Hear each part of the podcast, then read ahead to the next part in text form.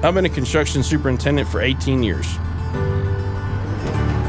You know, beyond making sure that everybody goes home every day, I'm responsible for getting it done on budget and on schedule.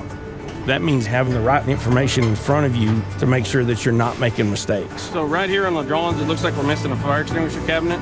Do you want me to write an RFI? Yeah, we need to write an I mean, on a project of this complexity, I've got, you know, 20 and 30 different trades going at the same time. You've got mechanical, electrical, plumbing, and we'll have tens of thousands of bits of information that need to be utilized on a daily basis. And now we're able to get all that information instantly with the iPad.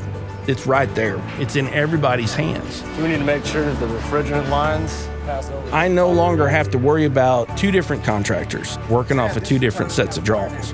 And I'm able to easily communicate between different trades in the field and quickly solve problems wherever I am on the job site.